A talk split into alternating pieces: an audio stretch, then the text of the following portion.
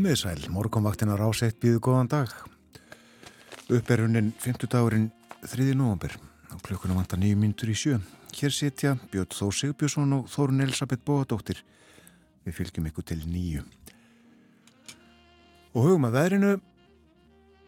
Klukkan 6 í morgun var fjórastega hitt í Reykjavík. Lett skíjað. Fjóri metrar á sekundu. Fóri nýju í mestu kviðu. Norðan átt. Tekjastega hiti á Kvanneri, logn þar. Þrjár gráður í stekisólmi, þrýr metrar. Tekjastega hiti á Patrísfyrði, hægur vindur. Tvær gráður líka í Bólungavík en átta metrar þar. 11 metrar á Holmavík, þryggjastega hiti. Þrjár gráður líka á Blönduósi, fjögur stig við Söðunisvita, nýju metrar fjórar stega hitti á Akureyri. Hægur vindur fjóra gráður á Húsavík fjóra gráður á Rauvarhöfn og Logg tvekja stega hitti bæði á Skeltingstöðum og á Egilstöðum hitti við Frostmark á Grímstöðum og fjóra gráður bæði á Höfni Hortnafyrði og Kvískerjum. Einstigs hitti á Kirkjubæðaklaustri nánast Logg þryggjastega hitti á Stórhæða í Vespanægjum tvær gráður í Árnesi eins og tveggjastega frosta á hálendinu. Svona það veðri klukkan 6. Og þá veðrun eins og það verður norðan og norðaustan 8 til 15 metrar á sekundu í dag. Ryggning eða slitta með köplum en bjart viðri suðvestanlands. Eftir hádegi norðan 5 til 13 og ryggning öðru kóru á norður og austurlandi en við að létt skíða í öðrum landslutum og morgun austlæg átt víða 5-13 metrar á sekundu en hvessir setnipartin 13 til 18 metrar á sekundu síðust annað kvöld. Og skíða með köplum en sumstaðar dáli til væta úti við sjávarsíðuna. Hitin 0 til 7 stig mildast síðust og á laugardag verður komin stíf austanátt á landinu og verður dáli til ryggning eða slitta austan til en annars þurft að kalla og svo litið kaldara um helgina. Og það eru hálkublettir víða til dæmis á Helliseiði og í Þringslum og einnig á Lingdalseiði og Biskupstungnabraut sem og í Ölfusinu og það eru hálkublettir austan við Selfoss líka. Og það er hálka á Steingrinsferðarheiði og Þröskuldum, hálkublettir á Kleifaheiði, Háldán, Mikladal, Dinjandisheiði, Klettshálsi, einnig Ennishálsi og Bjarnarferðarhálsi. Þetta eru skeitin sem að komin eru frá vegagerðinni þannig morgunin. Hálka á, já, vel flestum fjallvegum á vestfjörðum samkvæmt þessu. En lauraglann í Reykjavík uh, stóð fyrir aðgerð í nótt hóst líklega í gerðkvöldi og var uh, satna saman í rútu fólki sem að uh, ekki hafði fullkonlegt leifi til þess að vera hér samkvæmt lögum og reglum og farið var með að á keflaðugur flugul og því flóið þaðan til aðþennu í Greiklandi og mikill viðbúnaður vegna þessa alls. Og fréttamaður úr fyldist með og sagt er frá í sæmilega ítalari frétta á rú.is Rútur með lauröglu fyllt á keflaðugur flugulliður fyrir sögnin. Já, og uh, lauruglumenn svo sem gáfu ekkert upp um eðli þessarar aðgerðar eins og þetta voru orðað lauruglu aðgerð en uh, þetta sett í þetta samengi í frettum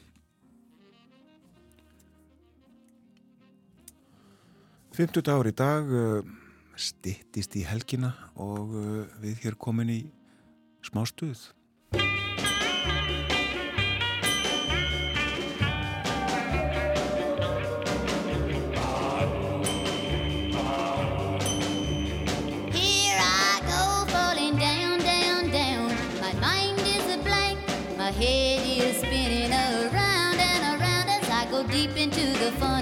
of love. It's such a crazy, crazy feeling. I get weak in the knees. My poor old head is a reeling as I go deep into the funnel of love.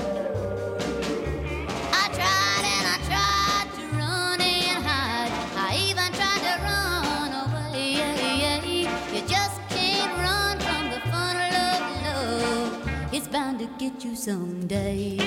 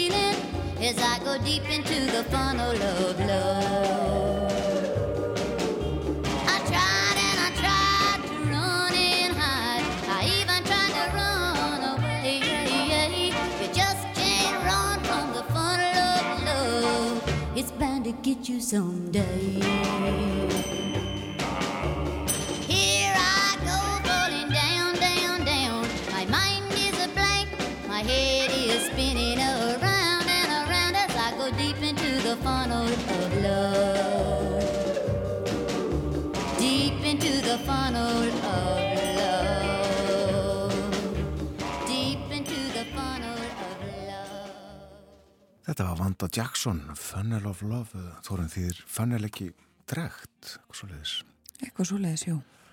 En uh, Vanda verður 85 ára síðar þessu mánuði byrjaði snemma að syngja og vakti strax aðtökli og er sögð einn fyrsta konan til þess að leggja fyrir sig rockið á sín tíma. Og setna var hún kalluð drottning rockabilisins en uh, hún söng bæði rock og hefur sungið rock og rockabilly á sveita tónlist og lofgjörðarsöngu einnig gospel Erum kannski annar lag með Vöndu Jackson síðar í þættinum. Framöndan eru fréttir koma á slæðinu sjö eftir eina og hálfa mínútu við fáum okkur aðeins meira kaffi og segjum frá því sem er á dagskrá morgunvaktarinn er dag strax eftir fréttinnar.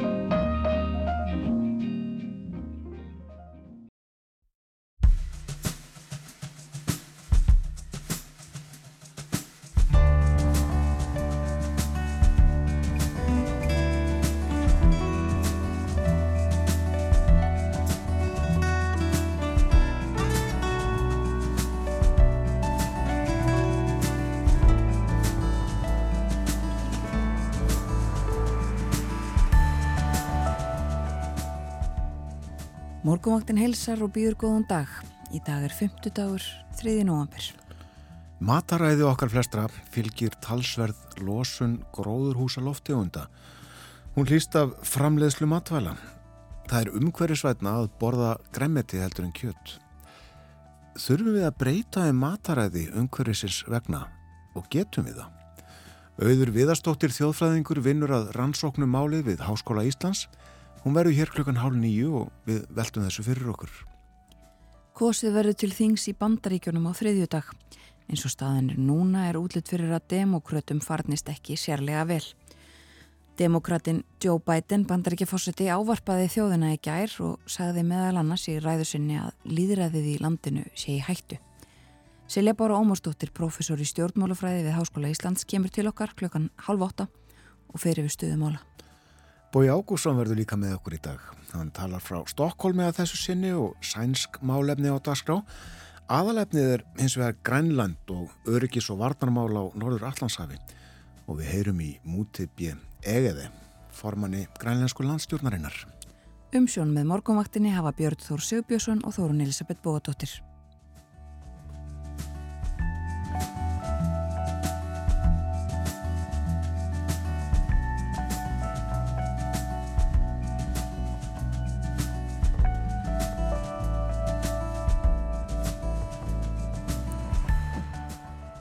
Það voru að sjá hvernig viðrar í dag. Í hugleðingum segir viðfræðingur það verður norðalega átt víða kaldi eða strekkingur í dag. Og dáli til væta norðan og austalands, annars létt skíð og það lægir heldur næstu nótt. En langt söðvestur í hafi er ört dýfgandi læð sem reyfist norður á bógin og því er spáð hægt vaksandi austanátt á morgun og það verður orðið kvast við söðuströndina annað kvöld annars skýjað með köplum og úrkomu lítið. Á laugadag er komin stíf austanátt á landinu, dáli til rigninga eða slitta austan til, annars þurft að kalla. Og hiti víða 0 til 5 stig, sömstaðar uh, vekt frost í insveitum. Og færðin, það eru hálkublettir víða á Suðvesturlandi til dæmis á Hellisheiði og í Þrengslunum og það er hálka á Bröttubrekku, hálkublettir á Holtaverðuheiði og Fróðarheiði og hálka á fjallvögum á Vestfjörðum, Stengrimsfjörðarheiði og Þröskuldum. Það er þungfært á Fjörðarheiði og það er ennverðið að kanna ástand á öðrum leiðum á Östurlandi. Þetta eru skeitin frá vegagerðinni en uh, veðustofan byrti í gerð rétt á vefsínum þannig er að í gært þá kom út skísla alþjóða veðufræðistofnurinnar um ástand loftslags í Evrópu. Mikil skísla og í henni kemur fram að hlínun í Evrópu á síðastlinum 30 árum. Hún hefur verið ríflega tvöföld á við þá hlínun sem að hefur átt sér stað á heimsvísu á sama tímanbili. Sérsagt ríflega tvöfald meiri hlínun í Evrópu en á heimsvísu. Og Um er að ræða mestu hækkun fyrir einstaka heimsálfu og svo segir með aukinni hlínun aukast líkur á því að hátt hitastig, gróðureldar, flóð og aðrar afleðingar lofslagsbreytinga hafi áhrif á samfélag, efnahag og vistkerfi. Og það má finna þessa skýslu eins og áður saði á vef veðustóðu Íslands.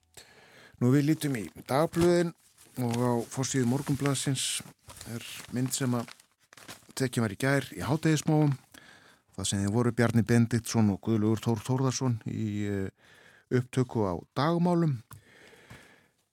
Þessu hlaðvarpi mynd hlaðvarpi morgunblassins eða árvakurs. Og þeir eru nokkuð gladbeittir á þessari mynd en uh, fyrirsögnin er tekist á um innra starf. Og uh, það segi hér að þeir hafi ólíka sín á raunverulega aðstöðu og tækifæri sjálfstæðisflóksis. Og inni í blæðinu er myndaðinn og eh, nú með Davíð Ottsinni, rittstjóra morgunblæðsins og fyrirverandi formanni sjálfstæðisflóksins. Og þarna er líka Haraldur Jóhannesson sem einnig er rittstjóri, já og framkvæmtastjóri morgunblæðsins.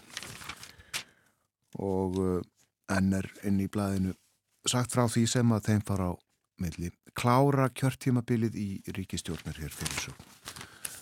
En uh, þeir eru nokkuð spendir líklega fyrir kostningunni sem verður á landsfundi á sunnudaginn held ég. Niðurstöðunar allavega tilkynntar þá. En eiga líklega eftir að hittast eitthvað fram að fundi í viðtölum í fjölmunum. Þetta er sannsagt stóra málið á fórsíðu morgunblæðsins í dag.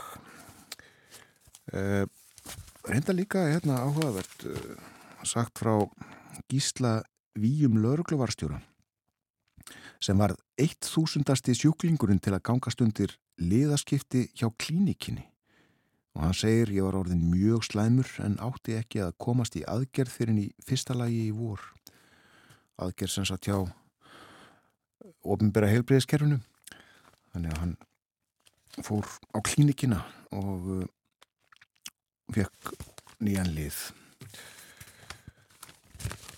Réttablaðið minnur okkur á að það líður á jólum gerir það með uh, myndinni á fórsíðinu en starfsmenn Kópósbæjar settu upp jólatri við Þývukams veg í gær. Og uh, hér líka rétt úr heilbríðiskerfunu Íslandingar gefa nú næstum tvöfalt fleiri hjörtu en þeir þykja sangant nýri rannsókn Vísindamanna Háskóla Íslands og Landsbítala. Það er sagt frá henni í nýjasta hefti læknablaðsins. Ástafan á maður reykja til þess að hjartagjöfum hér á landi hefur fjölgað umtalsvert á síðustu tveimur áratugum.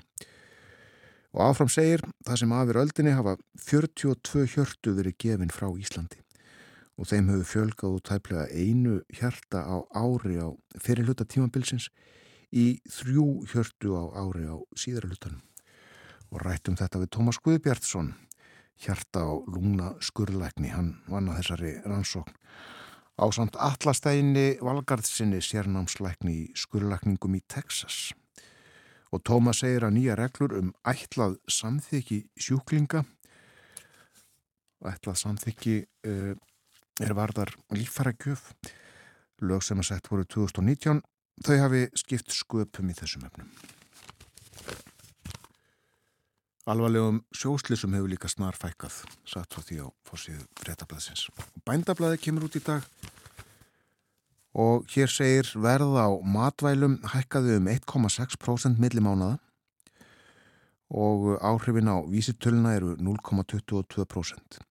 En þar munar mestu um lambakjött sem hækkaði um 16,2% og nú í haust hækkaði afurðaverð til bænda um 35,5% sem skýra hluta til þá hækkun sem framkemur á lambakjötti í vísitölumælingunni. Hækkun á lambakjöti sem satt í takt við afurðaverð, segir í fyrirsögn.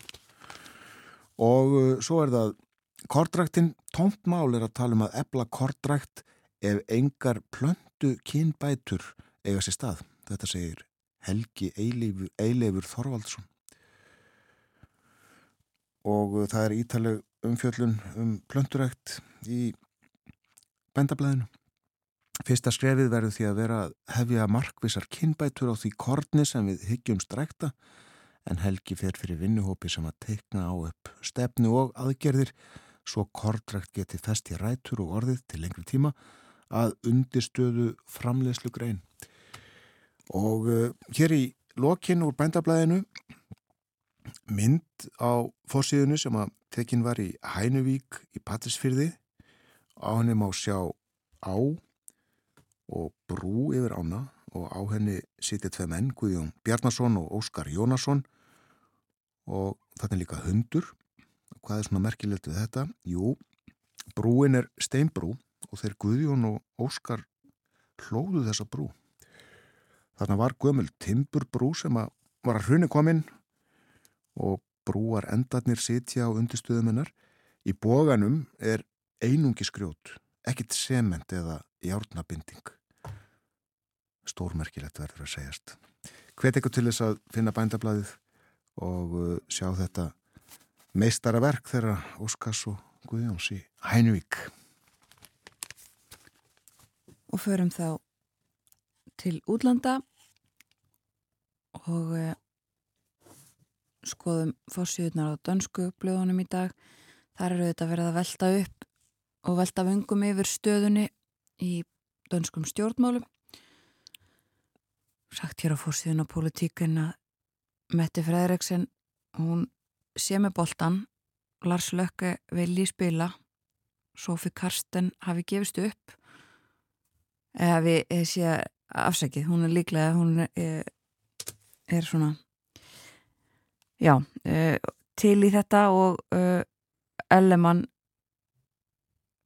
þetta er svona fótbolta samlíking á því hvernig þetta allt saman á að vera þryggja, hérna, þryggja hæða fyrirsögn uh, Ég, ég held að það ætla að segja þryggjamanna vörd Þryggjamanna vörd, nei, ekki alveg en uh, sem sagt, svona farið yfir þetta og sumulegði sagt að já, uh, allt í einu hafi hlutinir svona svolítið breyst. Uh, formaður venstri ekki alveg eins mótvallin samfunnu og hann var fyrir kostningar fórsættisráður hann hafi, jú, svona boltan og réttin til þess að hefja leikin og svo sagt einmitt, nú hefst leikurinn eh, um það hverjir mynda næstu ríkistjórn í Danmörku.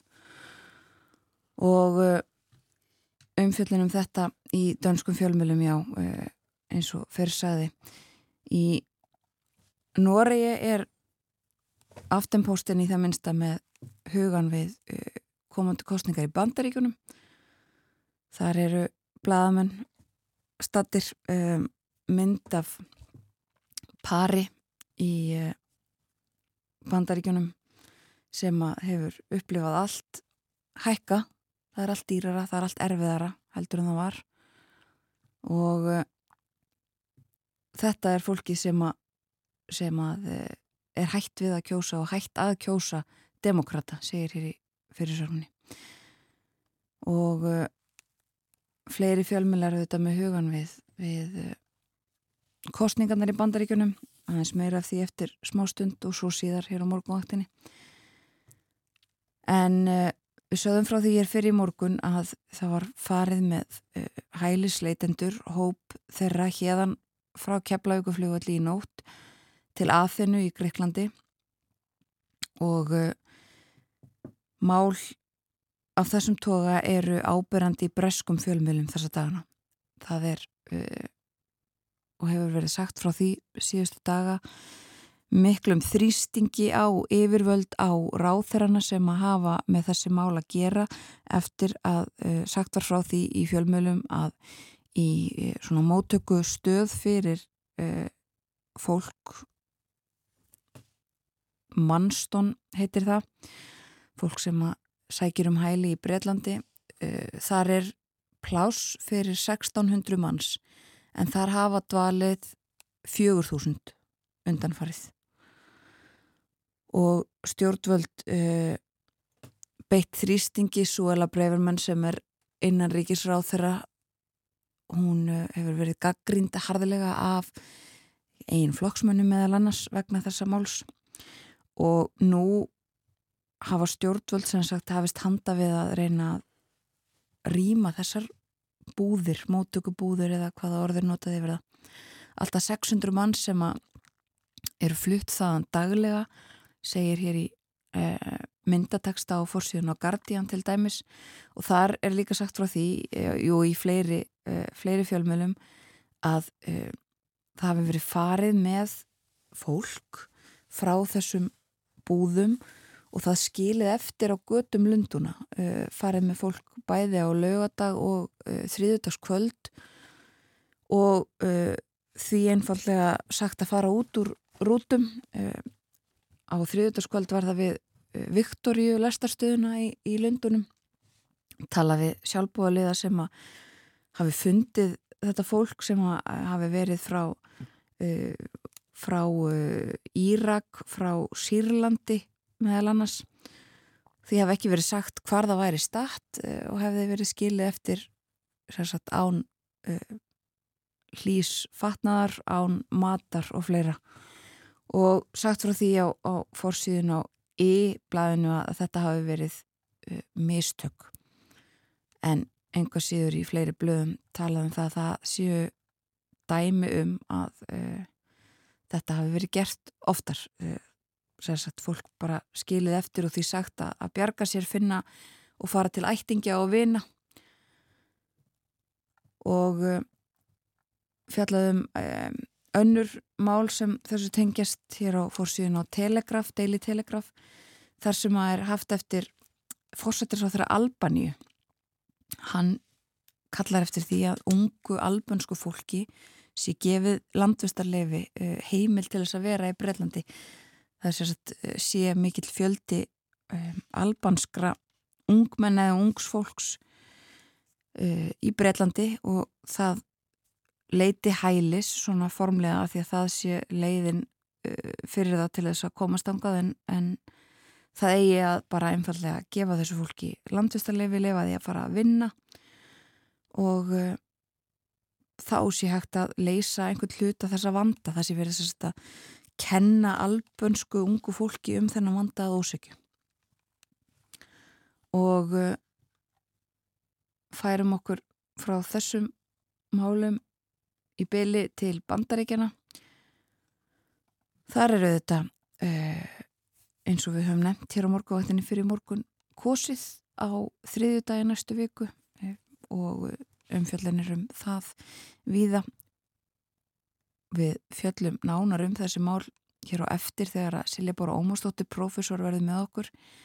En uh, Joe Biden bandaríkjafósiti helt ræðu í gerðkvöldi sem hefur verið sögð í bandarískum fjölmjölum svona uh, loka ávarpið hans svona það sé verið að uh, draga saman kostningabartuna og uh, hann talaði um það að líðræðið væri í hættu það væri verið að reyna að draga kostningakerfin og ímislegt sem þeim við kemur í Eva væri verið að ráðast á embættismenn.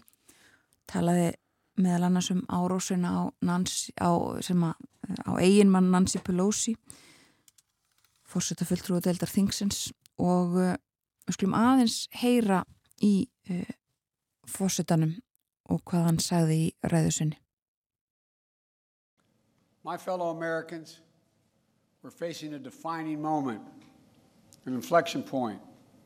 We must with one overwhelming unified voice speak as a country and say there's no place, no place for voter intimidation or political violence in America.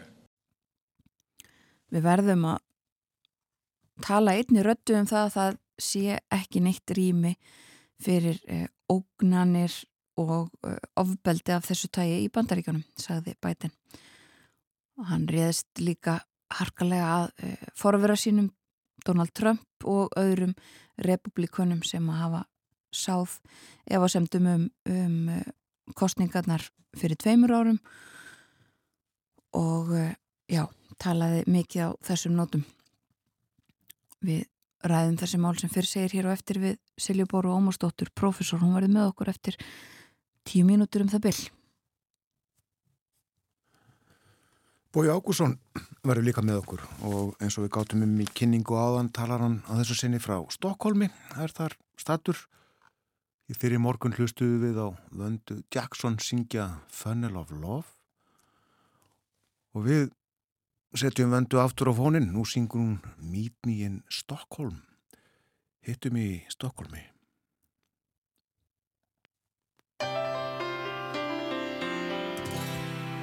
Meet me Stockholm, baby, I'll show you around. Take a real slow boat to Helsinki town. When it's over, I know you'll wanna stay. Live your life with me, the Scandinavian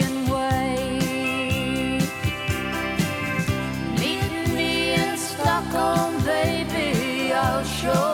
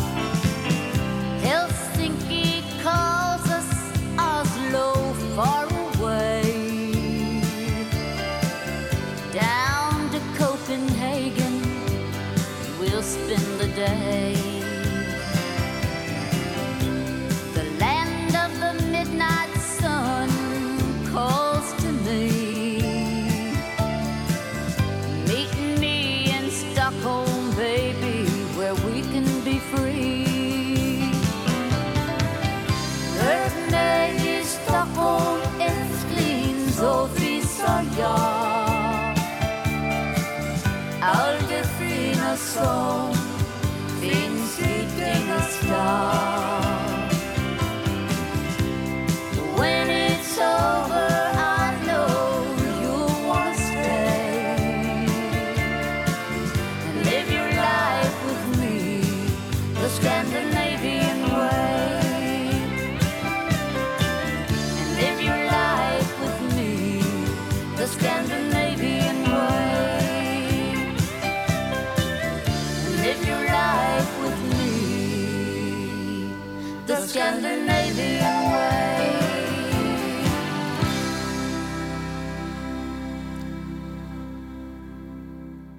Þetta var Wanda Jackson, Meet Me in Stockholm og fleiri norrannar höfuborgir komu fyrir í textanum hjá henni, Kaupmannahöfn og Helsingi allavegana. En uh, Wanda Jackson, hún hætti að syngja á síðasta ári, eh, verður 85 ára síðar í þessu mánuði. Ferillennar spannaði 68 ár. Gera þeirra betur. Geri aðrir betur. Fréttaði eflitið framöndan hjá okkur. Þetta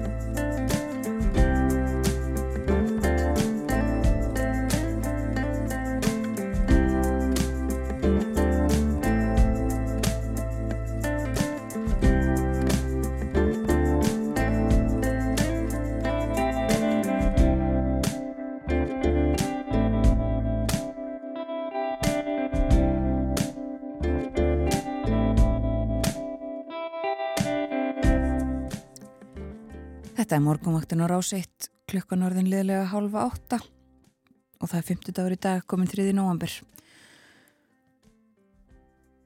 Það er norðlega átt víða kaldi eða strekkingur í dag og dálitil væta norðan og austanlands en annars létt skíjað og lægir heldur í nótt. Langt suðvestur í hafi er ört dýfkandi lægð sem að hreyfist norður á bógin. Því er spáð hægt vaksandi austanátt á morgun og verður orðið kvast við suðurströndina annað kvöld. Annars verður skíjað með köplum og úrkomu lítið. Á laugardag verður svo komin stíf austanátt á landinu og dálitil rigning eða slitta austan til en annars þurft að kalla. Hiti viða 0 til 5 stig að deginum en sumstaðar vægt frost í innsveitum.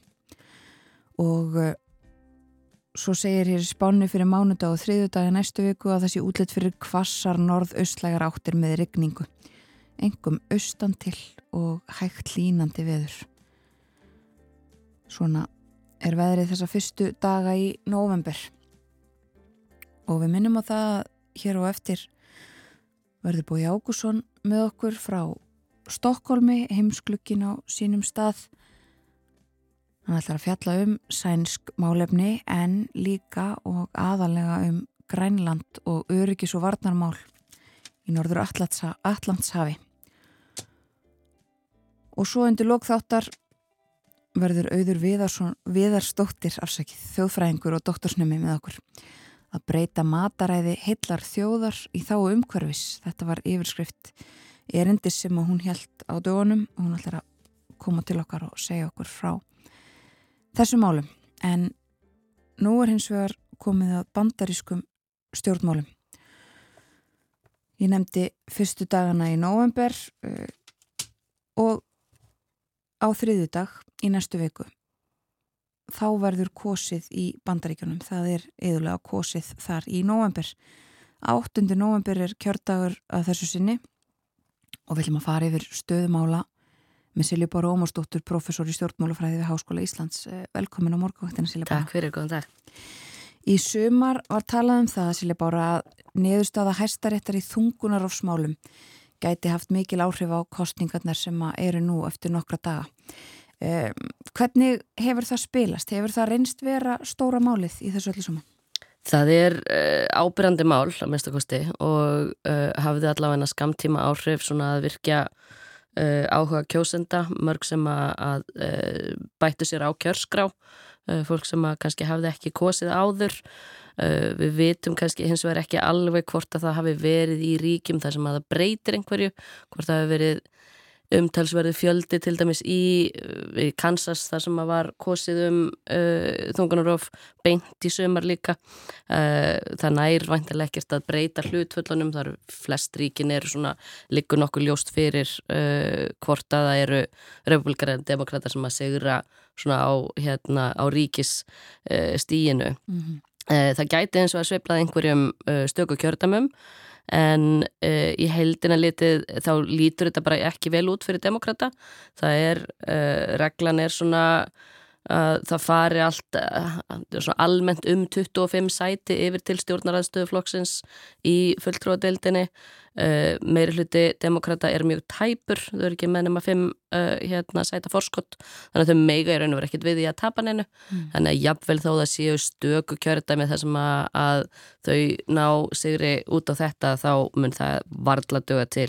Uh, almennt eru republikanar með mælast með svona 1-3% forskott í fylgi og hérna í í kjördamannum sem er auðvitað það sem skiptir máli því að það er sagt, bara sá sem fær stærstan hluta að hvaða uh, segrar að þá uh, lítur ekki út fyrir að, að uh, demokrater nái að, að halda sínu. Það er einhver smá möguleiki uh, ef það gerist að þá er það sennilega einhver kjördami í Kaliforníu þar sem að, að mun taka mjög langan tíma að telja. Já. En uh, langlíklegast er að, að við sjáum republikana taka uh, þó nokkurn fjöldasæta og uh, ná fulltrúadeildin á sitt vald. Já, og það er kosið um öll sætin í fulltrúadeildinni? Já, öll 435 sætin þar og það, það er bara, hérna, það er skipt um alveg á, á tvækjóru fresti mm -hmm.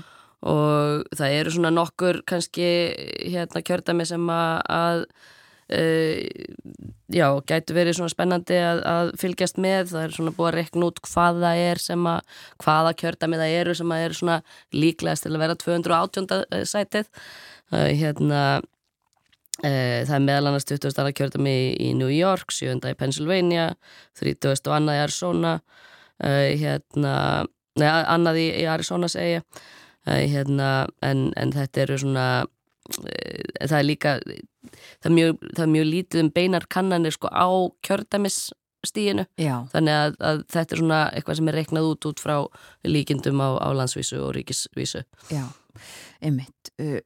Kosið um öll sætinni á alltaf í, í fulltróðadeildinni en það er líka verið að kjósa í öldungadeildinni Já, þar er um þriðjungur sæta í, í kjöri þar er sérst, sex ára kjörtímabil og, og þriðjungi skipt út á tveikjára fresti. Og þar eru uh, 36 sæti núna, það eru um það vil 10 uh, sem eru svona, er kannski einhver keppni um.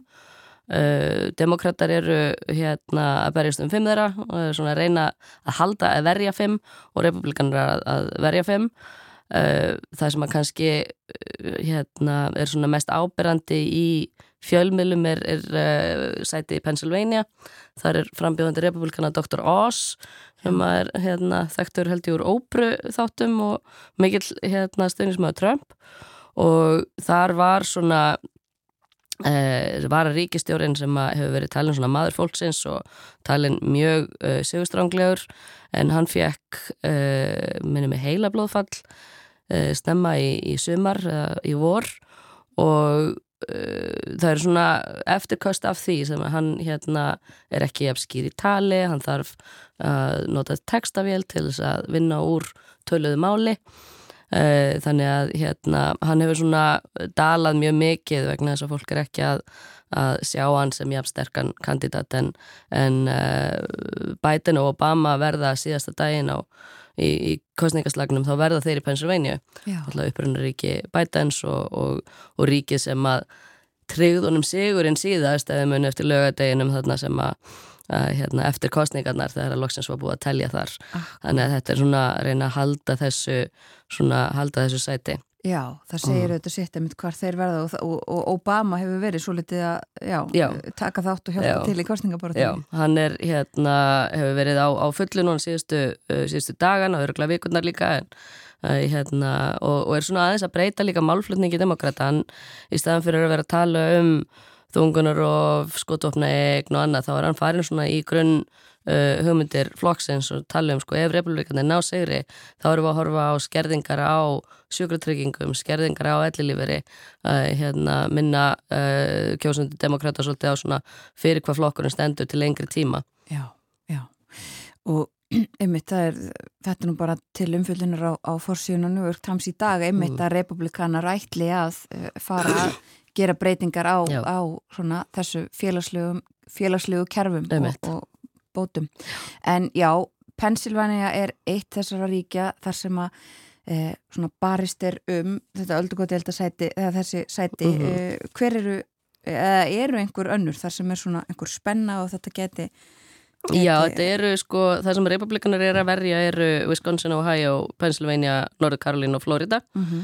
uh, hérna, sem þeirra eru þeir nokkuð örgir en það er svona, náttúrulega er alltaf einhver uh, mæliskekkja Uh, Demokraterna eru að horfa á að reyna að halda Nevada, Arizona, Colorado, Georgiu og New Hampshire. Georgiu þetta er kannski sérstaklega spennandi vegna þess að, að það voru bæði sætin þar sem að voru í kjöri 2020, Já. annað bara til tveggjára til að koma í staðin fyrir uh, hérna, uh, einhvern sem að hafði, nú mann ég ekki hvort að einhver hefði fallið frá eða hætt. En hérna þá var bara hérna, Warnock sem er núna í fulltrúi hérna, demokrata hann náði kjörið þarna í januar, bara þetta var bara í gangi þegar að, að eh, árasun á, á þingusi var að eiga þessi stað. Og núna er verið að kjósa sagt, um hans sæti aftur og, og það er mjög vinsæl uh, hérna, bandarskur uh, fókbaltaleikmaður sem að er að keppa við hann og hérna, spilaði fyrir, fyrir háskólinni Georgi þannig að hérna þarna er munar svona einu prósendi sem er algjörlega bara einan skekkjumarka á þeim. En hvoru þeirra mælist með meirinn 50% atkvæða og í Georgíu þarf það ekki bara að ná flestum atkvæðum heldur þarf það að hafa meiri hlut atkvæðum á bakveig mm. þannig að uh, mjög líklega þá þarf að kjósa aftur og það þá ekki fyrir en eftir áramót. Þannig að ef þetta verður alls saman bara mjög tæft þá munum við sjá framlenging og kostningabartun fyrir öldungadeildina alveg fram yfir áramót. Já og það þýðir þá að það verður ekki ljóst endilega, uh, já ef þetta verður eitthvað tæft mm. uh, hver Einmitt, er þetta er 50-50 núna sko já. og bara í gæra þá fóru líkur hjá 538 hérna uh, sem að rannsakar hérna er, svona, er mjög mikið með tölfræði um hérna stöðu kostninga uh, þá fóru líkur republikana yfir 50% á því að ná öldungadeildinni en það er ennþá uh, hérna ekki nema kannski Uh, já, það, það er ennþá kannski 70% eða í 70 af hverjum 100 uh, hérna uh, svona líkinda já. reikningum þeirra þá ná republikanar þannig að það er alveg líkur fyrir demokrata ennþá að, að halda deildinni en þetta verður alltaf tæft Já meiri svona óvisa þar þá heldur en í fulltrúadeildinni já, já, já, það er hérna það, það væri í raun veru mjög óvænt ef að demokrater heldu meiri hluta það gerist almennt ekki í uh, hérna þessum uh, millibilskostningum að flokkur fórsetans haldi sínum meiri hluta hefur gerst hvað var það? Einu, einu sinna þessari öll held ég, kannski tveisar Venjan er að fórsetanum og hans flokki sé svona refsaður sem þú sagt í já, já, já. það er svona aðhald já, akkurat uh, og sko uh, við erum búin að fara yfir svona nokkrar já, áhugaverða barátur svona þar sem að maður á að vera að fylgjast með mhm. -huh. kannski uh, eftir eða í, í kostningunum og talningunum uh, en sko eru, eru til dæmis einhverjir þingmenn sem að við þekkjum sem að eiga á hætta að missa sætin sín eða einhverju sem er að hætta uh, Sko það er ekki hérna, það er enginn svona sem að, að rópaða á mig allavega sem einhver svona velþektur uh, hérna það er kannski frekar uh, hérna og það er líka vegna þess að, að uh, það var náttúrulega, voru teiknun í kjördæmi þannig að einhverju leiti er, er, uh, hérna, er, er núna verið að kjósa í kjördæmum sem ekki voru til uh, fyrir tveimur árum uh, það er alltaf reikna á tíu ára fresti hvernig hérna til þess að vera með sem jafnasta uh, jafnast hlutvall kjósenda í, hver, í hverju kjördami en það eru hérna uh, svona, það er kannski sem mér finnst meira spennandi eru ríkistjórnir Já. það eru nokkri sem að, að eru tæpir uh, hérna, republikani sem er að skora á Hátsjól í New York. Uh, þar eru Jónkin og DeSantis. Jónkin uh, hérna frá Virginíu og DeSantis frá Florida. Þeir eru búin að mæta þangað. Já, já, til að, ekki- að styðja uh, frambjónda republikana í New York. Já, Uh, þannig að þetta er svona landsbarótta fyrir uh, republikanana. Það er ekki, ekki mikla líkur á að seldin áskorandin hérna sigri en, en uh, DeSantis er mögulega að nota þetta vegna að auðvitað næsta miðugudag þá byrjar upphytun fyrir fórsetakostningarna 2024 já, þannig að, að DeSantis er svolítið að, að byrja að stilla sér upp á landsvísu uh, sem mögulegur frambjóðandi fyrir rep republikana já, akkurat. Uh, ég bjó í Oregon þá var sér landliði, þá er það alltaf svona mitt heimaríki, uh, hérna annað af tveimur. Og þar er sem sagt, uh, það var republikanríki þegar ég bjóðar uh, er alveg uh, hérna bara blátt í gegn algjörlega demokrata megin núna en, en núna gæti demokrata ríkistjórin tapað fyrir áskoranda frá republikanum þannig að það er líka spennandi. Uh, og samanskapi er Wisconsin sem er alltaf áhugavert ríki það er svona uh, virkar eins og ætti að vera demokrataríki en, en, en er það alls ekki alltaf. Uh, ríkistjórun það stendur tæft var svona líka. Hérna svona demokrataríkistjórar í republikana í ríkjum þessar republikanar eru mjög sterkir. Þannig að já, þetta er svona kannski það sem er, er meira spennandi að því að þetta er kostningarnir eru oft mjög fyrir sjáanlegar í, í að stjórnmálamenninni velja svo kjósundur ekki kjósundunni stjórnmálamenn. Við nefndum í, í byrjun þungunarófsmál og þau voru eins og þú sagðir svona eh, á, mjög á, ábyrrandi kannski sérstaklega í sömar og, og svona virkuðu kannski demokrata og uh, tímabundið. Uh, en það eru þetta fleiri mál Mm. sem að uh, eru til umfyllunar, þetta er ekki bara spurningin um, um fólki sem er í bóði uh, og það er þetta uh, eins og annar staðar í heiminum víða mikil, uh, mikil talað um verðbólgu, um orkuverð, um uh, bara svona, já, uh, lífskjör Mhm. fólks. og stríðið í Úkrænu þetta sem er beintengt þessum málum. Þetta ljóta að vera kostningamál líka. Já, verðbólgan og, og bara efnagsmál er alltaf mjög ábyrrandi og, og uh, þetta ár hefur alveg verið þungt fyrir bandaríkin uh, hérna verðbólga er mikil og, og bandaríkjumenn eru bara mjög óvanir því að hafa verðbólgu uh, ja, jafn mikla verðbólgu og hefur verið uh, eftir, eftir COVID. Það líka er, ég var út í bandaríkjunum núna bara síðustu helgi og það er svona ábyrrandi yfirleitt þegar maður er þarna á þessum tíma þá mjög ábyrrandi kostningabarta og hún var alveg í fréttum og eða svona sjónvarpi sko, auglýsingar og, og þannig. En, en það sem var í raun og veru miklu meira ábyrrandi var skortur á vinnuafli það var í hverjum einasta stað sem maður lappaði framhjá eða fór inn á þá eru auglýsið til starfsfólki. Þjónusta sem að bandarækjumennur vanur að sé mjög mikil og góð. Hún var uh, bara allt, allt önnur. Yeah. hún komin á veitingastadi og það bara vantaði fólk. Uh, þannig að það, var, það, það voru tómir veitingastadir þannig að það var ekki hægt að, að þjóna til borðs á nema kannski þriðungi sæta. Þannig að þetta svona segir manni kannski eitthvað um Uh, hérna, og, veist, og þetta er ekki þetta er, veist, mín upplifun en, en þetta heyrir maður líka í umfjöllunum að þetta er svona síni að það, hvaða vantar mikið upp á að hafa náð tilbaka eftir COVID að koma hagkerfinu aftur í gang.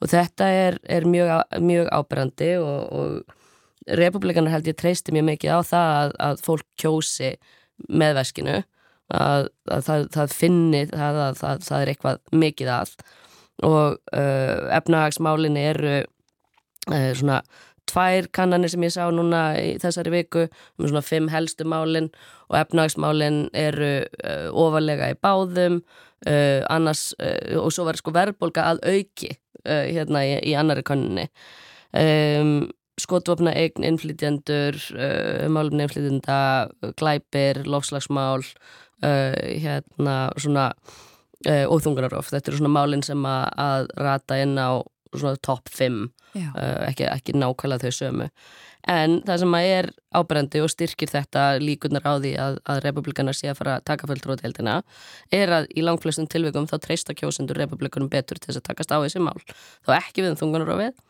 þar er hérna tölvert bara umtalsverð hafa demokrata umtalsverð fórskot en í uh, hvað var það? Glæpi, efnagsmál, skotofnegn og málum nefnflýtinda þá vilja kjósendur stefnu uh, republikana frekar en demokrata Einmitt, já.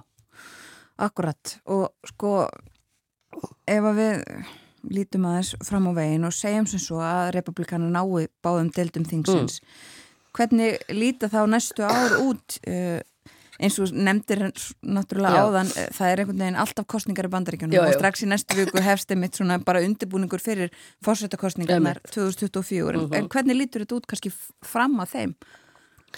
Það sem að ef republikanar verða með meiri hluta bæði í uh, fulltrúaöldungadeildinni þá held ég að við munum sjá mjög mikið af yfirherslum svona um neykslismál, málefni sem að rep- republikanar hafa verið að og viljað fá meira fram í dagsljósið. Það eru hérna uh, aðtapna uh, líf, viðskipta lífi og eða vafa sem viðskipti Hunter Bidens, Já. svonar uh, fórsetans. Uh, eitthvað svona sem að getur komið illa við Biden og, og hans ríkistjórnum sjá alls konar svona, svona mál rannsaka kostningasvindl sem að, að republikanar telja að sé umfangsmikið sama þó að, að, að alla rannsóknir síni að það sé ekki raunin þannig að svona svona taka sér svolítið svona stöðu og, og, og já, varpa hérna neikvæðu ljósi á, á fósitan uh, það er sé, þetta er svona, svona kostninga áróðusmál og, og þingið hefur umbóð til þess að gera þetta uh, hérna, það væri þá jafnvel hægt að, að uh, ákjara fósitan til embætsmissis ef að hann hefði talið mér að skipt, hafa skipt sér af einhverju. Síðan eru sko lagasetning að þá má alveg búast við uh, svona hvað, hvað myndum að kalla þetta svona hundaflötu frumvarspum sko að hérna uh, málefni sem að eru sett fram vegna þess að ná eirum ákveðins hóps kjósenda banna trans uh, stúlkum að taka þátt í íþróttum þetta eru umfjöllun í, hérna hefur verið gert til dæmis í Flórida og, og, og uh, nokkrum öðrum ríkjum. Svona, uh, og þetta eru mál sem að myndu þá fara jafnvel í gegnum báðar deildir, hefur eflengan að stýra þeim báðum en fósindin myndi neyta skrifundir og þurfti þá aukin meiri hluta og hann er ekki til staðar. Já. þannig að, að getum séð svolítið tíma fara í svona mál sem er raun og veru allir vita að mun ekki verða að lögum en republikanar eru þá svolítið svona að þjóna sínum hérna, sínum kjósundum sama með þungunarófið e, þó að það sem, sé minni líkur á að það færi í gegnum þingið því að, hérna, allavega Mitch McConnell veit alveg að þetta er ekki eitthvað sem að, að hérna, hans kjósundur eru samfærir um.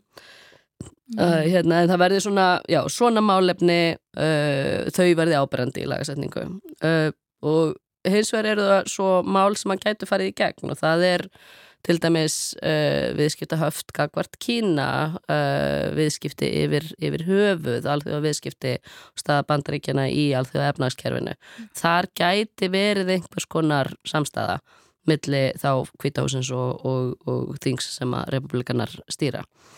Um, síðan er alltaf spurningin er einhver e, úr hæstarétti sem að, fellur frá, það er republikanar hafa núna skipað sex uh, af, af nýju uh, hérna, dómurum að myndu tryggja sér ennþá meiri meiri hluta ef að svo væri. Þannig að það er alls konar svona hérna, þau fengi ekki skipað, getur tafið skipun frá og hérna frá bæten og, og, og svona þvingaðin til þess að setja einhvern sem að væri hérna meiri miðjumadur frekar heldur en uh, svona mikil vinstri sinni uh, þannig að það er alls konar svona, svona mál held ég sem að, að við myndum sjá Já.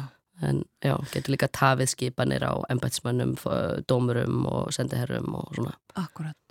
Rétt í lokin sér bara uh, Joe Biden ávarpaði þjóðina í, í gær og, og talaði þar meðal annars um það að svona, það myndi taka tíma að telja atkvæðin og Mhm. það væri eðlilegt og allt Já. þetta.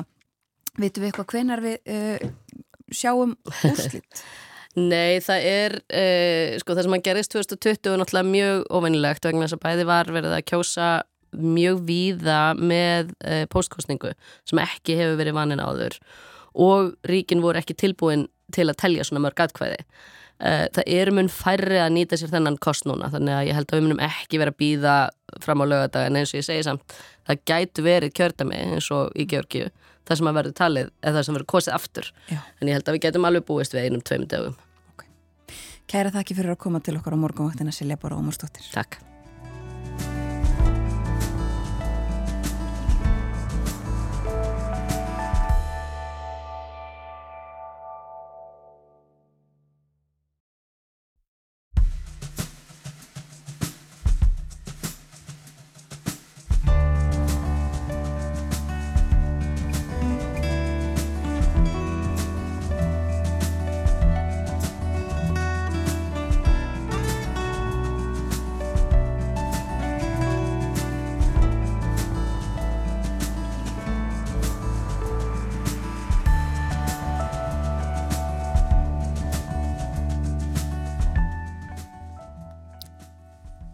Sælaftur, þeirra hlust á morgunvaktin ára á seitt, morgun fréttir að baki og klukkuna vantar 6 mínútur í nýju.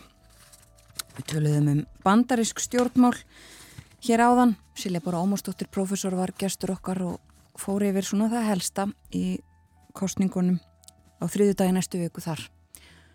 Og uh, á eftir, upp úr klokkan halv nýju, þá ætlum við að ræða um mataræði. Loftslagsmál og mataræði meirum það og eftir. Við erum komin í sambandi Boga Ágússon, heimsklukkin á dagskrá hér næstu mínútur og bógi að þessu sinni statur í Stokkólmi. Heil og sæl og góðan dag. Góðan og blessaðan daginn. Við ætlum að tala eins um sænsk málefni hér á eftir en eigum ekki að byrja á að fjalla um Grænland og öryggis og varnarmál á Norður Atlantshafi.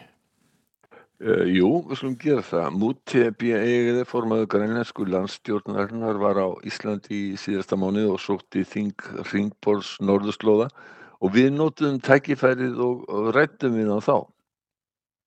Altså man kan ikke komme udenom, at øh, eh, den udvikling, som verden lige nu øh, har, og med det, der er sket i, i, siden februar måned, da Rusland invaderer Ukraine, der er sikkerhedssituationen men også før det, været det, at Arktis er, er det sted, hvor der er større og større interesse, og store magter begynder at, at spille, spille ind.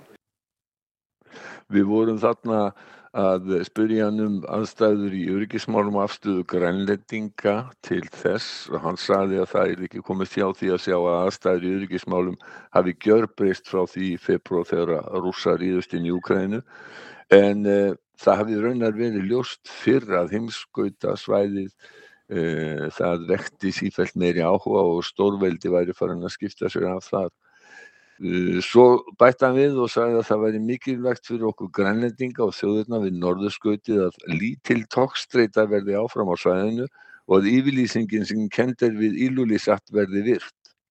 Det skal være øh, lavspænding i, i området, så på den måde, at man stadigvæk har, har, har grund, øh, grundlag fra Ilulissat-deklarationen med, med at holde Arktis som lavspændingsområde. Sko þessi Ilulissat yfirlýsing er frá 2008 og hún eða kannski fundurinn sem var í Ilulissat sem eigiði var að vísa til hann er umdeildur vegna þess að það voru aðeins fimm ríki sem stóði af þeim fundi af þeim átta sem eru í norðurskautsráðinu. Það voru strandríkin, fimm bandaríkin, Kanada, Danmörk fyrir hann Grænlands, Noregur og, og Rúslands. Þarna var, sko, voru skilin út undan uh, þrjú aðeldaríki í norðurskautsráðsins, Finnland, Ísland og, og Svíþjóð og auk þess að þá áttu fulltrúar samtaka Inuita sem eiga fasta aðelda Norðurskautsráðinu ekki, þeir sátt ekki á þessum fundi. Danir höfðu frumkvæða þessum fundi eh, þarna 2008 á þeim tíma voru þeir hrætti við að rússar ætluðu sér að eigna, eigna sér Norðurpólinn og, og Norðursvæði eftir að þau látið kálbátt koma fyrir rúsneskum fána og hafsbótna á Norðurpólinn. Alveg rétt. Já sem að margir mun eftir, þetta var svona mjög myndrænt. Danirnir hafðu líka frumkvæðið að öðrum ílúlisæft fundi tíu árum senna, en þá voru Íslandingar, Finnar og Svíjar og fulltrúar ín og þetta með. Það hugnast landstjórnarformaninum egiði því hann leggur áherslu á það sé hlustað fólki á svæðinu og óskir þess séu virtar ekki síst ved aðstæður eins og eru núna. Med det, der sker lige, lige nu, der er det også nogle ting, som, hvor man skal lytte til, til det folk, der bor i Arktis, og lytte til deres ønsker øh, med den udvikling, der nu også pågår globalt. Øh, danska stjórnin hún gaf út skýslu fyrir skemstu sem heitir Dansk sikkerhed og forsvar til uh, uh, 2035 að dansk öryggi og, og, og varnir Danmörku til 2035 og þar er augunum ekki síst beint að öryggis og varnamálum á norðurslóðum við Færiður og Grænland. Um, í viðtali við Karsten Fjór Lassen flótafóningja og yfirmann danska flótans kom fram að það væri nöðsinn að endur nýja skip eh, sem eiga annars eftir ítla sveðinu þetta eru fjögur skip sem Íslandingum er á góðu kunnug. Thetis, Triton, Hvítabjörnin og Veðurinn þetta eru skip sem eru tíðir gestir í Reykjavík taka vistir og skiptum áhafnir. Um, Dani kallaði þessi skip Inspections skip eh, en þau eru komin til ára sinna 30 ára gömul eitthvað sluðis og viðhaldið eru orðið þungt og stundum erfitt að fá vara hluti því að eh, framliðendur hafa hægt að framliða hluti sem að, sem að bila. Um, það kom líka fram í þessari skýrslu þegar hún var kynnt af tvö af fjórum af þessum skipum í svo, eh, þau eru kollu tettisklassa skip að þau eiga alltaf tvö að þeir eiga alltaf að vera í Norðurallandsafinu 730 daga á ári og þetta verður sífælt erfiðara vegna þess uh, að þau eru að bila og þarf að gera við þau. Uh, sko, í raunir hafa Dani verið gagðindi daldið fyrir þessa skýslu, fyrir að hafa lítið hugsað um uh, norræn öryggis, eh, eða sem sagt norræna öryggis og varnarsamvinnu vegna þess að það allar fórsendur á norræna samvinnu á því sviði hafa gerð brist með yngöngu finna og svíja í NATO eh, sem eru einnig ekki formlega gengið frá henn. Sko, jú, þetta var pínu út úr, á Grænlandi eru mjög margir áhuga samir um að heimamenn komi meira af eh, vörnum landsins og við spurðum eigið um það. Altså vi er har med den øh, danske regering fået en aftale her i år med, at vi opretter for eksempel en beredskabsuddannelse i Grønland, øh, som på den måde også kan være med til at have noget beredskab klar, øh, hvor, hvor unge mennesker kan, kan uddanne sig. Men, men jeg synes altså, at det, det, det er noget, vi som, som samfundet er nødt til at forholde os til, men at vi som politisk lige nu også er i gang med, med, med vores regering, hvor vores udenrigs- og sikkerhedsminister er i gang med at, med at, med at have en forhandling og få en, en, en ny strategi Þetta var egiði. Bói, ert það ennþá með okkur? Hefur eitthvað rof orðið í tengingunni við Stokkólm? Hljómar þannig. Við vorum að hlusta á mútipi egiði.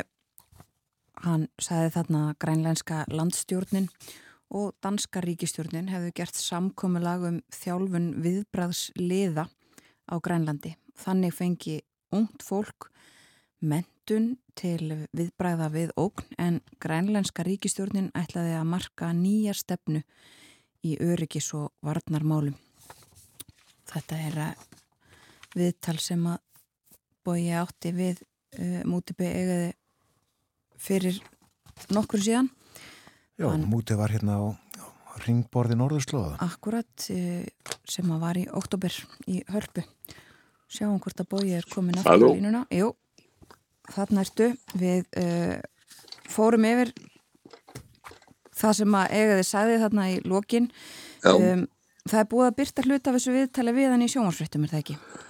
Jú, það var uh, bæði, það voru tvær fjartir þar sem að fjallan var um vilja yfirlýsingu sem eigið og Katrin Jakobsdóttir undirítuðum auki samstafsjóðina í viðskiptum, fiskveiðum, jafnveitismálum, mentun og loslagsmálum og raunar á fleiri sviðum.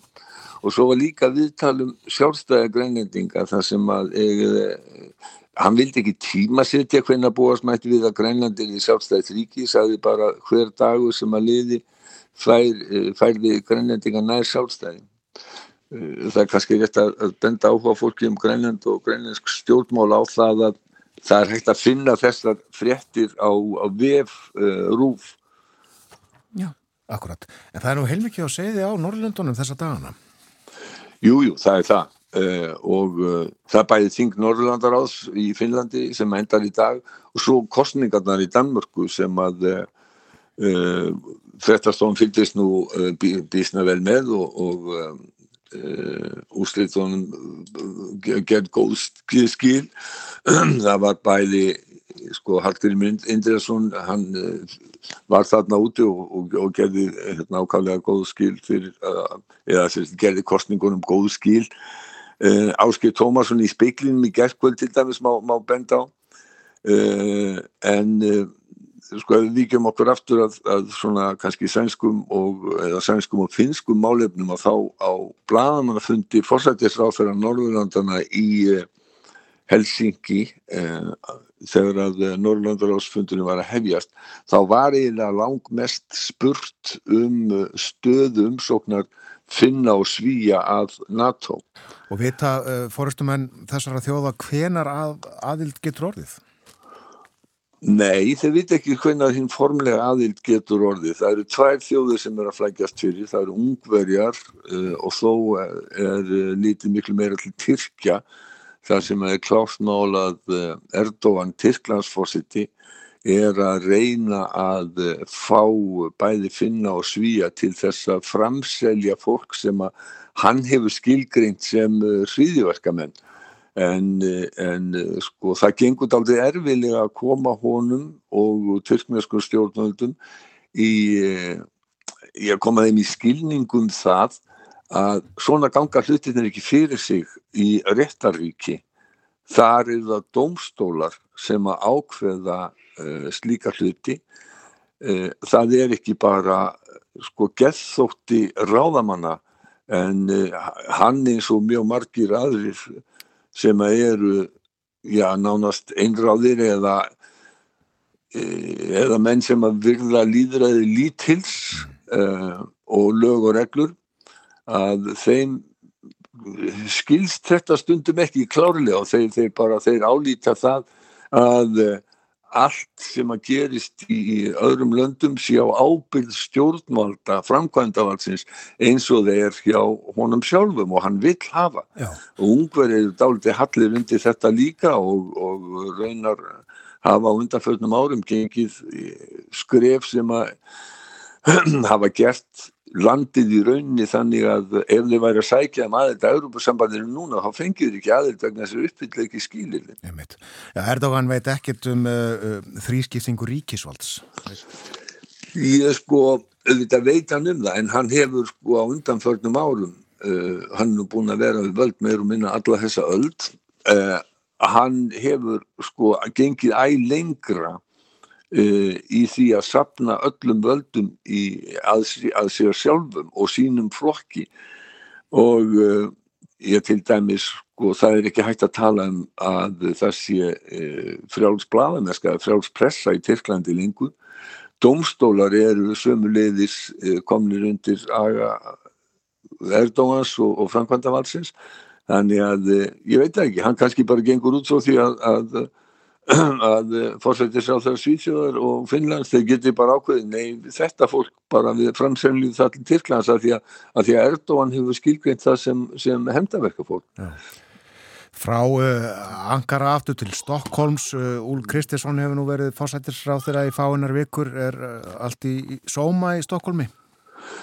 Jújú, jú, það er það en það er hins vegar sumir sem að svona líta á það að það er dálítið til innri spenna í þessari ríkistjórn og uh, sérstaklega á milli frjálslindra liberalina sem að eiga sæti í stjórnin og eiga ráð þeirra og svíþjóðademokrata sem eru náttúrulega spörotnir upp úr nýnasistarfremingum á sínum tíma sem eru langlengst til hæri og uh, þarna e, þeir eru ekki sæti ríkistjórnir, þeir eru stuðningsflokkur ríkistjórnar, þeir eru marga formenn í e, mikilvægum þingnemdum. Þarna er dálítið spenna á milli og þannig að sænsk stjórnmál geta orðið e, skemmtilega á, á, á næstunni. Sko. Við fylgjum með þeim. En sko að því að ég er hérna í, í Svíþjóð þá, þá finnst mér ekki í veginn svona í lokina að heyra eitt sænslag, Borgþór Algunsson fær alltaf velja eitt landslag, hann er svona í þegar hann kemur. að ég lefi með þetta núna. Og þetta, þetta lag er, er, er, er sungið af og er eftir Evert Tóp sem var eitt af þjóðskáldum Svíja hann var rítumundur, skáld, málari trúbador, vísnasöngvari og lífskunstner og hann samti ótalmörg lög og, og Íslandinga kannast við mörg þeirra til dæmis það sem að heitir á sænsku Sjösalavals eða Sjösalavals. Sigurður Þóraðinsson, jáfræðingur og skáld samt í íslenskan texta við það lag og, og nefndi vorkvöldi í Reykjavík. Já, og, og það þekkja náttúrulega allir íslendingar. En lagi sem við ætlum að hlusta á það hefur einnig verið gefið út með íslensku texta. Það var Sigurður Guðmundsson og Memphis Mafían sem að breyttu því í jólalag þá með að jólinn koma fyrir mér. Mm. um, og uh, uppröndilegi texti Evert Tóp hefur ekkert með jólinn að gera. Það er líka eins gott vegna þess að við spilum ekki jólalögi í Ríkisúttarpunni fyrir enn í desembermánuði. Eh, í þessu lægi eh, segir frá Friðjófi sem er í sælu í Arkadíu við miðjarrahafið upp á hæð sem hann nefnir Kólabella en það veit engin raunverulega hvar uh, svo hæð er nákvæmlega um, þarna frá þessari hæð þá sérstu við til Korsíku og til Brárafjalla í Provenzali í Fraklandi Eh, og þarna hittir Friðjófur sem er frá Gautaborg eins og Tópp sjálfur þrjár stúlkur. Einn þeirra er frá San Francisco og syngur með honum Happy Days are here again. Þetta er ljóð gleði og lífsnættna og við skulum hlusta á það svona í lokin. Gerum það, takk að þið fyrir í dagbói Takk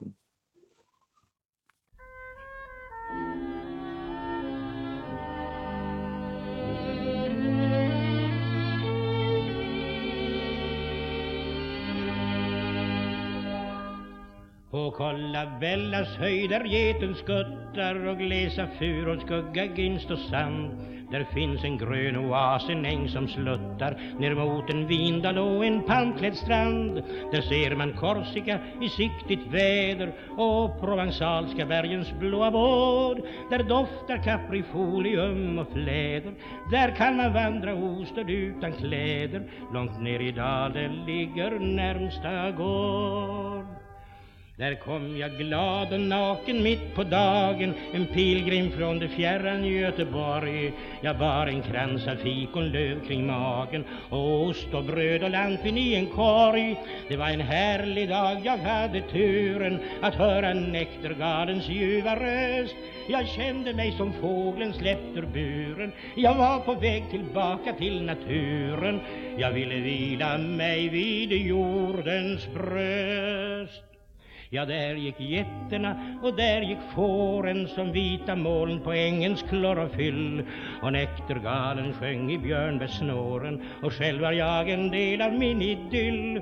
Jag gjorde utav fikonlöv en bricka och lade upp min mat, drog upp mitt vin. Jag satte mig i gräset för att dricka. Då fick jag plötsligt se en naken flicka som kom emot mig med en glättig min. Jag har då aldrig någonsin sett på maken. Hon kom och ställde sig helt tätt intill. Men innan jag kan tänka rätt på saken Så fick jag plötsligt se två flickor till. De skrattade och jassade på ängen Och sjöng Oh happy days are here again. Sin högde mig och ropte upp ur sängen. Jag tappade mina fikonlöv i svängen Och flickorna försvann bland skogens träd på aftonen när jag kom ner till staden Då mötte jag dem åter alla tre. I vita klänningar på promenaden De vackraste tre graser man kan se. Den ena tog mig genast käckt i handen Och sa I'm leaving by an early train. Där gick vi under palmerna på stranden Och pratade och ritade i sanden Och sjöng Oh happy days are here again jag är från San Francisco, sa den sköna och därför klättrar jag så bra i berg. Jag dansar gärna naken i det gröna. Jag älskar så naturens form och färg. Ja, i Amerika har vi friska vanor. Här i Europa är man mer mondän. Men darling, vi har ändå samma anor. Oh, låt oss aldrig vandra skilda banor. Oh, darling, happy days are here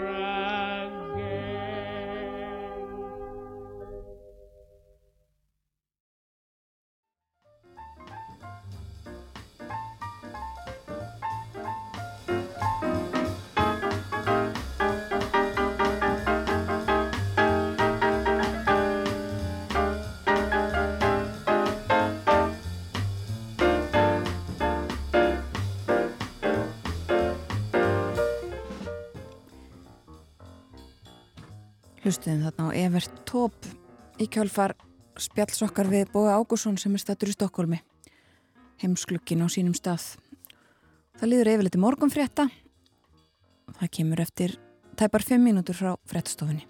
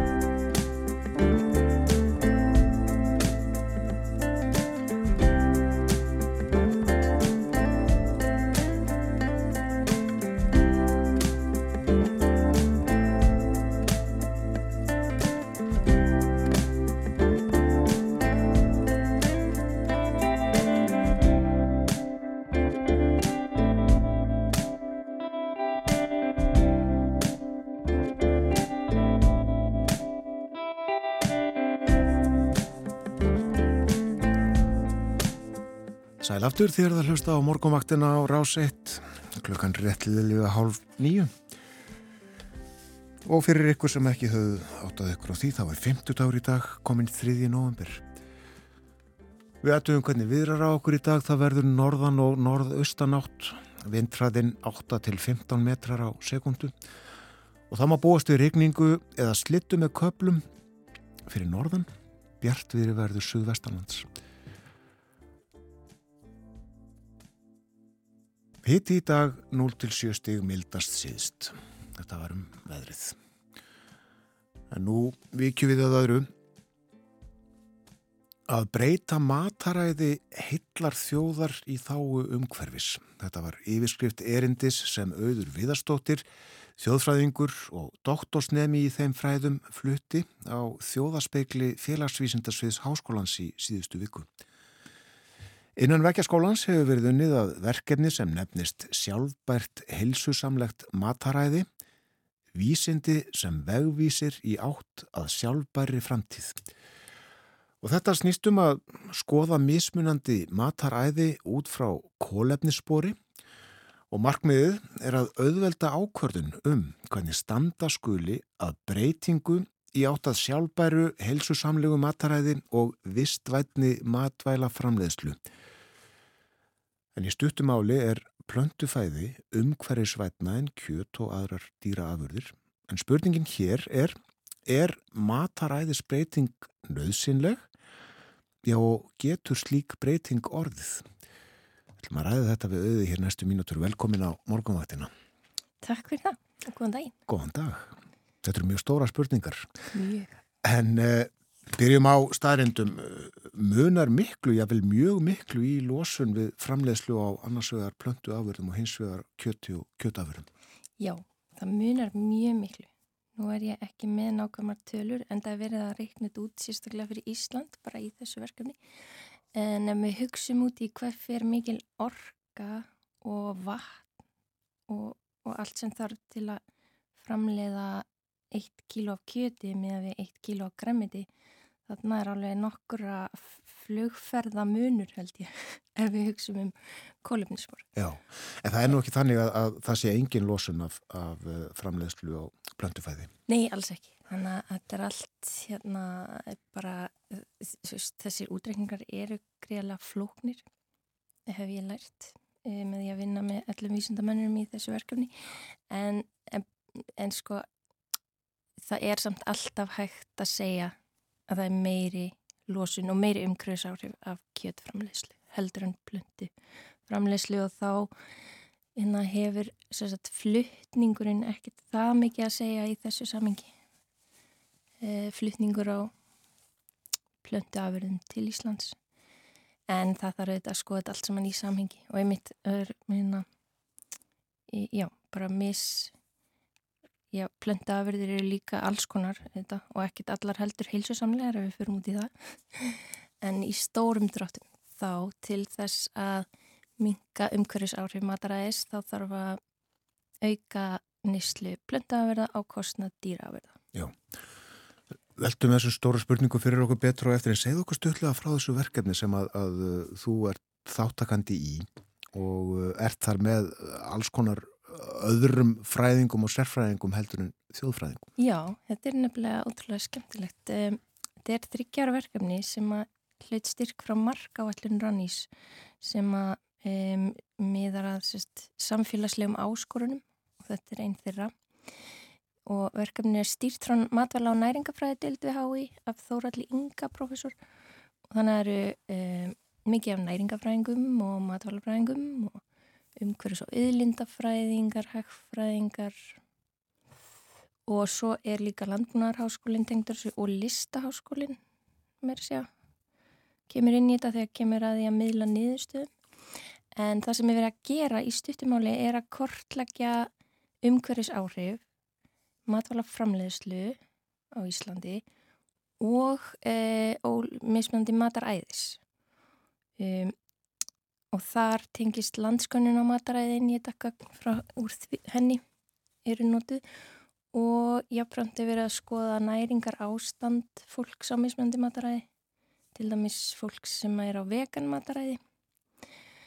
Það var svona tekið sérstaklega fyrir samlega svona í kjálfarið á landskönnuna því að kom ekki mikið úrtak af vegan fólki í þá í því úrtaki sérsagt þannig að það var svona aukarlega leita til þeirra E, og svo, já, það sést verið að kortleggja og bara afla upplýsinga í rauninni kannski fyll upp í svona gött, þú veist, það sem við þurfum að vita til þess að geta haldið áfram á þeirri verkferð að minga umhverjus áhrif matarræðis okkar.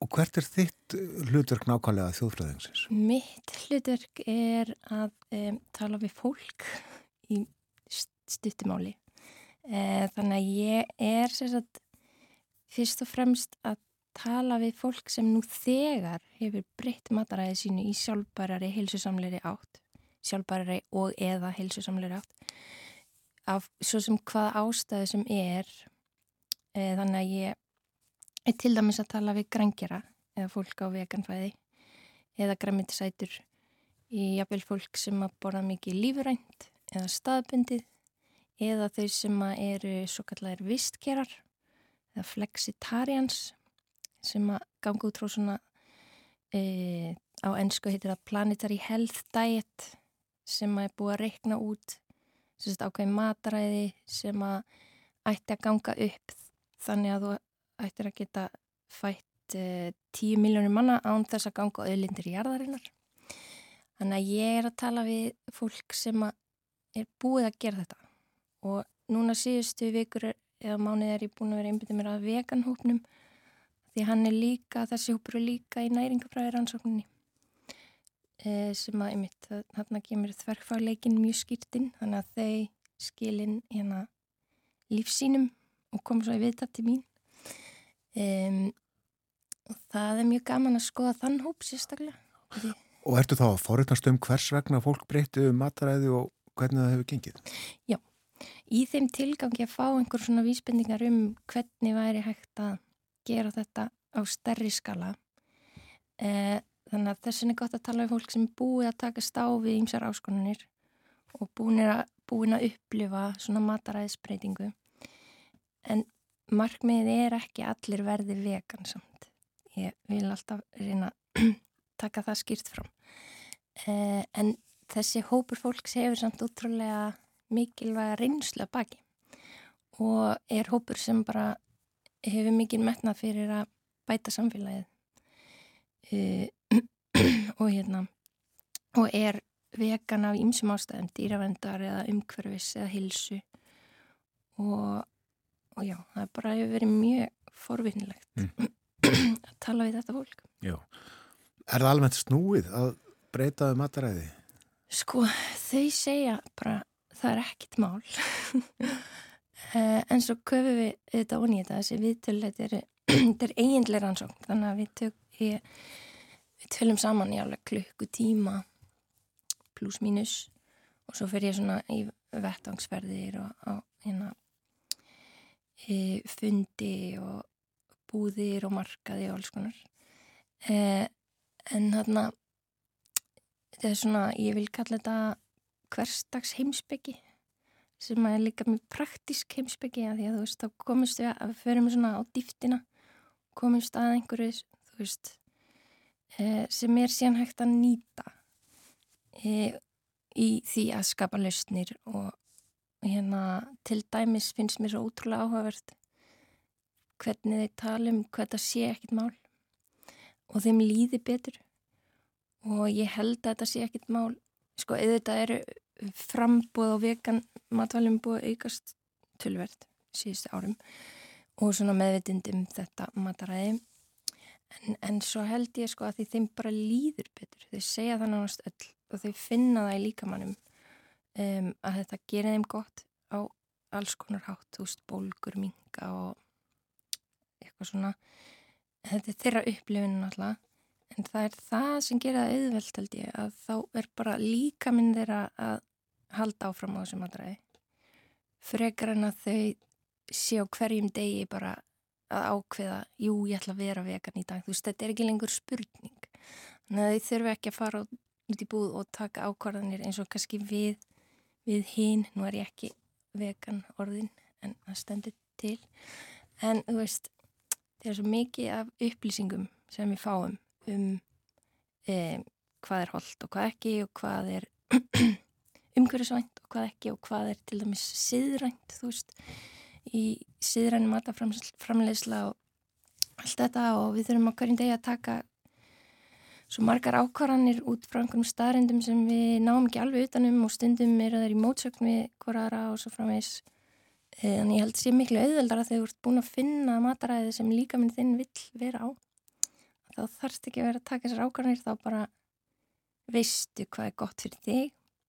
Og nú er ég kannski að fara svolítið langt í hérna heimsbyggina en ég held líka og ég sé það hjá vegan fólkinu hvort sem það gerðist vegan vegna dýravendar eða ekki að þá samt einhvern veginn kveikir þetta á svona um, fólk verður meðvitaðara um velferð dýra og fer að hugsa öðruvísi bara um mat.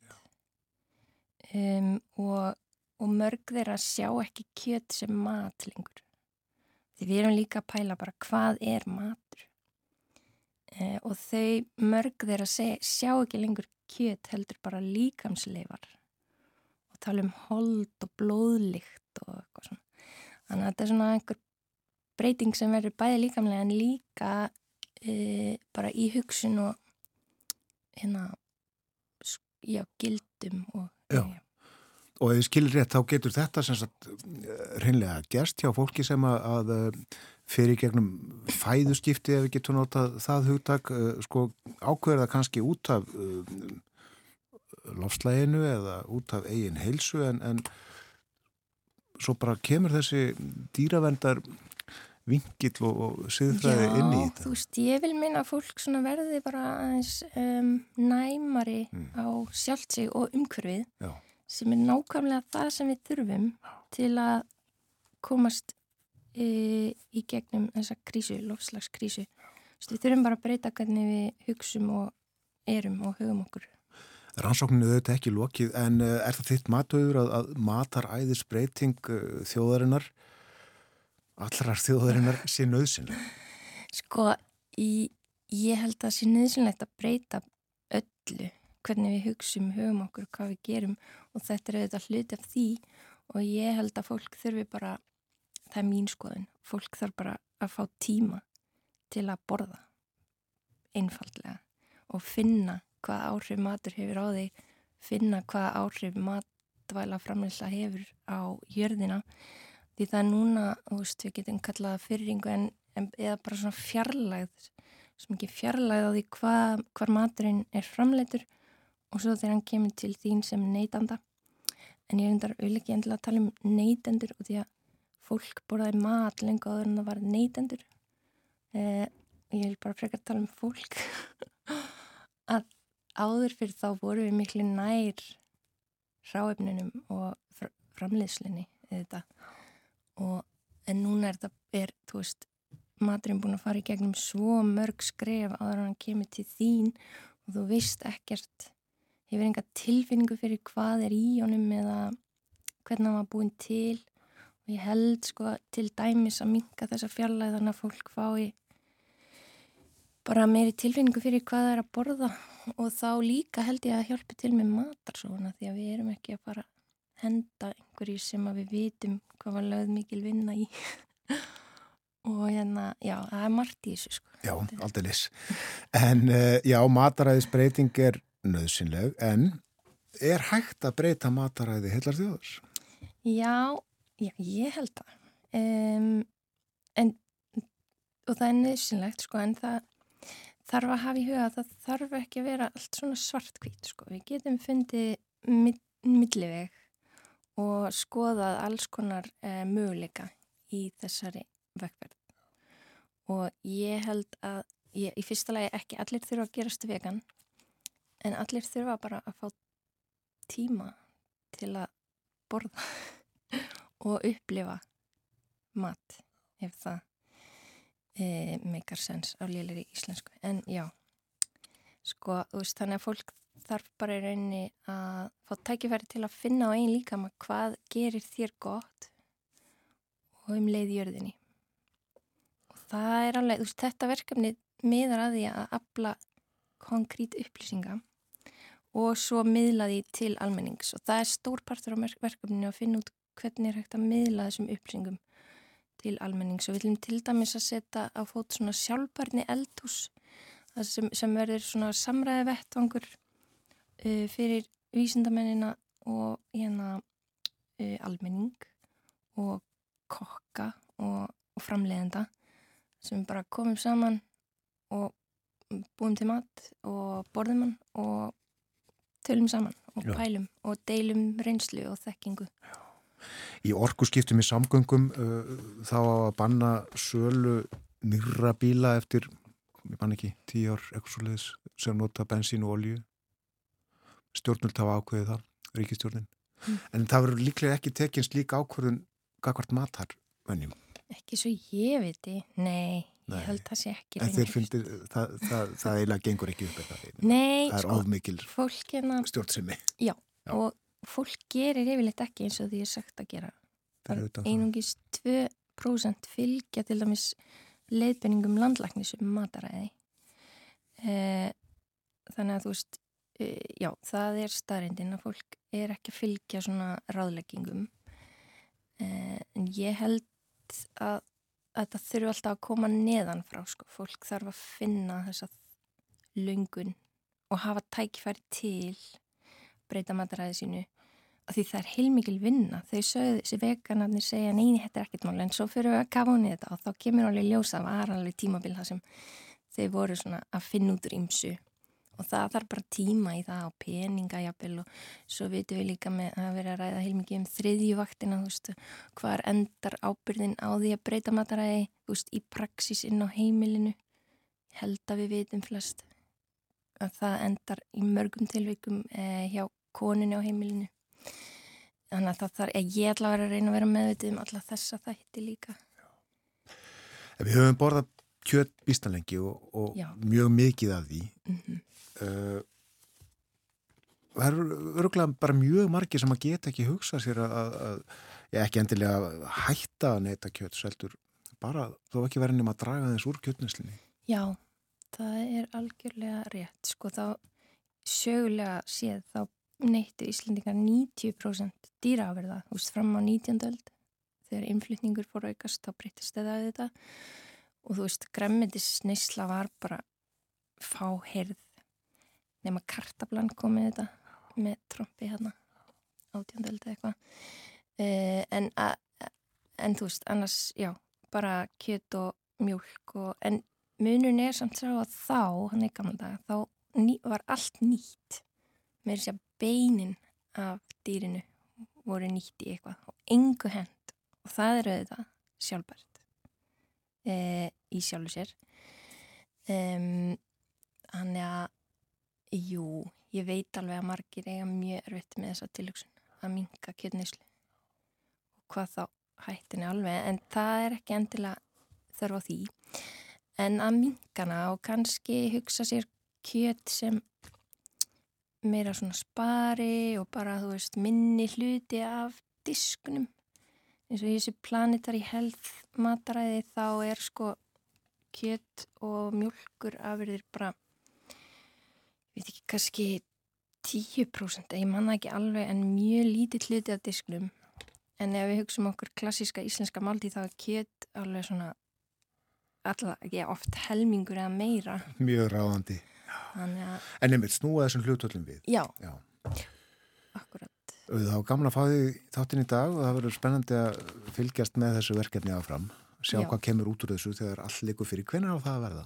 Sko verkefni er til 30 ára og við erum svona halnuð en svo verða örglega svona eftirfylgdarverkefni þú veist í því að miðla niðurstöðum og svo les en, en vonandi bara að, með næsta árinu og, og 2023 og 2024 þá getur við farið að hefja þetta samtal svona aðeins hérna betri grunni hvað var þar gögn og staðrendir sem eiga við hérna á Íslandi. Að breyta mataræði heitla þjóðar í þá umhverfis auður viðarstótti. Þakka þér aftur verið að koma morgunvaktina. Takk fyrir mig.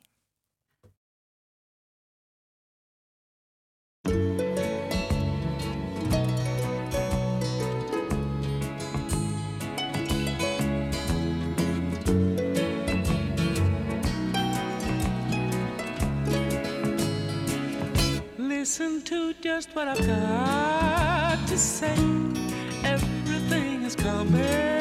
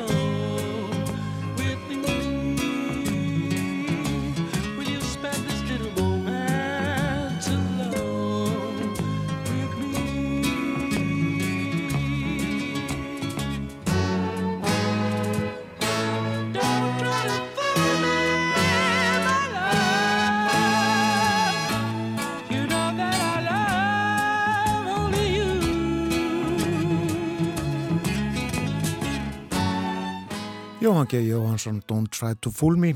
Þetta er síðasta atrið á dagskrá morgunvaktarinnar þennan morgunin við þokkum samfélgina frá því snemma í morgun verðum hér aftur í fyrramálið. Verðið sæl.